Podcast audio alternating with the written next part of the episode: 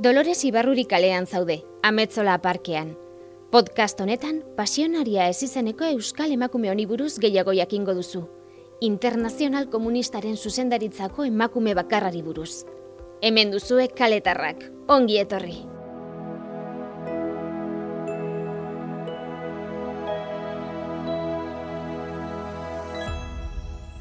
Kaletarrak. Dolores Ibarruri fue sin duda la mujer vizcaína vasca. Dolores Ibarruri zalantzarik gabe, hogeigarren mendeko emakume bizkaitar, euskaldun eta espainiarrik unibertsalena izan zen. Berak beste ezein emakumeek ez bezala, komunismoaren kausa dirazi zuen joan den mendean eta haren irudiak oihartzun globala izan zuen. Figura tuvo una repercusión global. Maria Moros entzun berri dugu. Historian doktorea eta Dolores Ibarruriren biografiaren egilea, no pasaran izenekoa. Bera izango da gure gidaria atal honetan. Amorosekin Doloresen biografiako gertaera garrantzitsu batzuk errepasatuko ditugu. Bere eskontzarekin eta Madrilera egindako bidaia erabakigarri batekin hasiko gara. Bueno, yo creo que ella, eh, Dolores Ibarruri, nació en Gallarta, en la que entonces... Era... Beno, bera Dolores Ibarruri Gallartan jaio zen, garai hartan Bizkaiko mehatxe arroa zena, e, mila sortxieun eta laro geita mabostean. Mehatzaldeko neska komun eta arrunta izan zen, harik eta mila bederatxieun eta maseian Julian Ruiz izeneko mehatxari sozialista batekin eskondu zen arte. Eta hortxe sozialismoari atxiki zitzaion, hogeita maikagarren urtean Madrilera itzuli, bizitzera joan zen eta han bere bizitza goitik bera aldatu zen. Etxeko Andre izateari utzi zion, ordura arte bizi zen muski zen, eta Espainiako alderdi komunistako buruzagi nazional bihurtu zen. Eta mila bederatzi eun eta hogeita mabostetik internazional komunistako zuzendaritzako kide izan zen emakume bakarra. de la dirección de la Internacional Comunista. Dolores Ibarruriren izena pasionaria edo la pasionaria ez izenari lotuta dago. Hala ere, Doloresi ez izen hoietako bat ez zitzaion bat ere gustatzen. Bueno, ella nunca le gustó que dijeran la pasionaria, sino pasionaria secas, ¿no? Berari ez zitzaion inoiz gustatu la pasionaria esatea, baizik eta pasionaria soilik, ez? Dolores Ibarrurik prentzan sinatu zuen lehen artikulua, mila bederatxieun eta masortxiko aste santuan El Minero Bizkaino egunkarian. Ez izen hori hartu zuen, segurazki Julian Ruizekin eskontzea onartu ez zuten gurasoekin eta nahi arrebekin zituen harremanak are gehiago ez osteko. Ez baitzeto zen bat Dolores Ibarruriren ideia sozialistekin. Horregatik erabili zuen ez izena bere artikuluak sinatzeko eta, beno, jakina, unibertsalki ezagutu zen izen bezala geratu zen. que se le conoció universalmente. Kaletarrak programan jarraitzen dugu Dolores Ibarruriren bizitza eta lana ezagutzen. Mario Amoros historialariari bere ibilbide politikoa markatu zuten beste gertaera batzuei buruz galdetu diogu, eta honako hau kontatu digu. Diría que la guerra civil, por supuesto, es el momento en que Esango nuke gerra zibila dela, noski bere lidergo politikoak izugarrizko ospea hartzen duen unea, bere figurak duen eraginagatik baita alderdi komunistaren eta internazional komunistaren propagandak bere irudia indartu eta unibertsal bihurtzen duelako ere. ruso con la publi- publicación de folletos biográficos sobre breves sobre su figura, con la atención Adibidez, bere diskurtsoak frantsesera, ingelesera, errusiara itzulitan, bere irudiari buruzko liburuzka biografiko laburrak argitaratuta, Espainiako gerran dagoen nazioan arteko prentsak egiten dion kasuarekin, eta ondoren, erbestean, Espainia erromesaren figuretako bat bihurtzen denean. figuras de la España peregrina. Dolores Ibarruriren bizitzako beste gertaera garrantzitsu bat bere seme baten eta lau alabaren eriotza izan zen. Ruben, semea, bigarren mundu gerran hil zen. Estalingradoko bataian nazien armadaren kontra borrokan. Ester bere lehen alaba hiru urte zituela hil zen.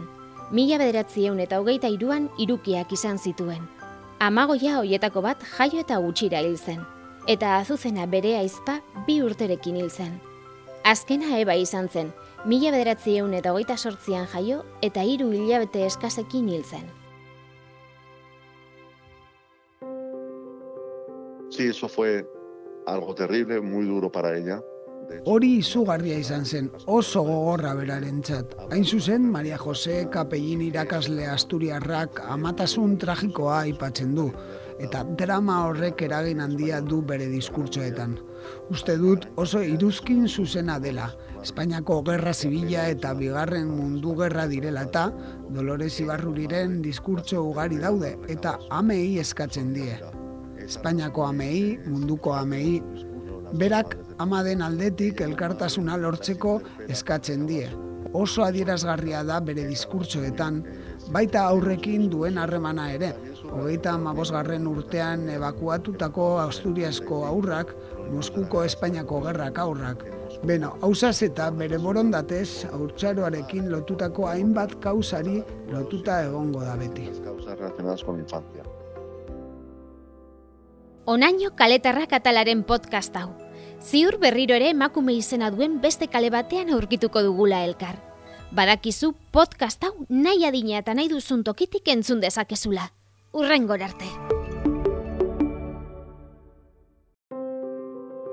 Está usted en la calle Dolores Ibarruri en el Parque de Amézola. En este podcast sabrá más de esta mujer vasca conocida como la Pasionaria, la única mujer en la dirección de la Internacional Comunista.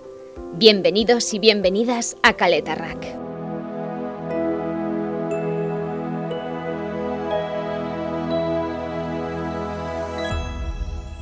Caleta Rack.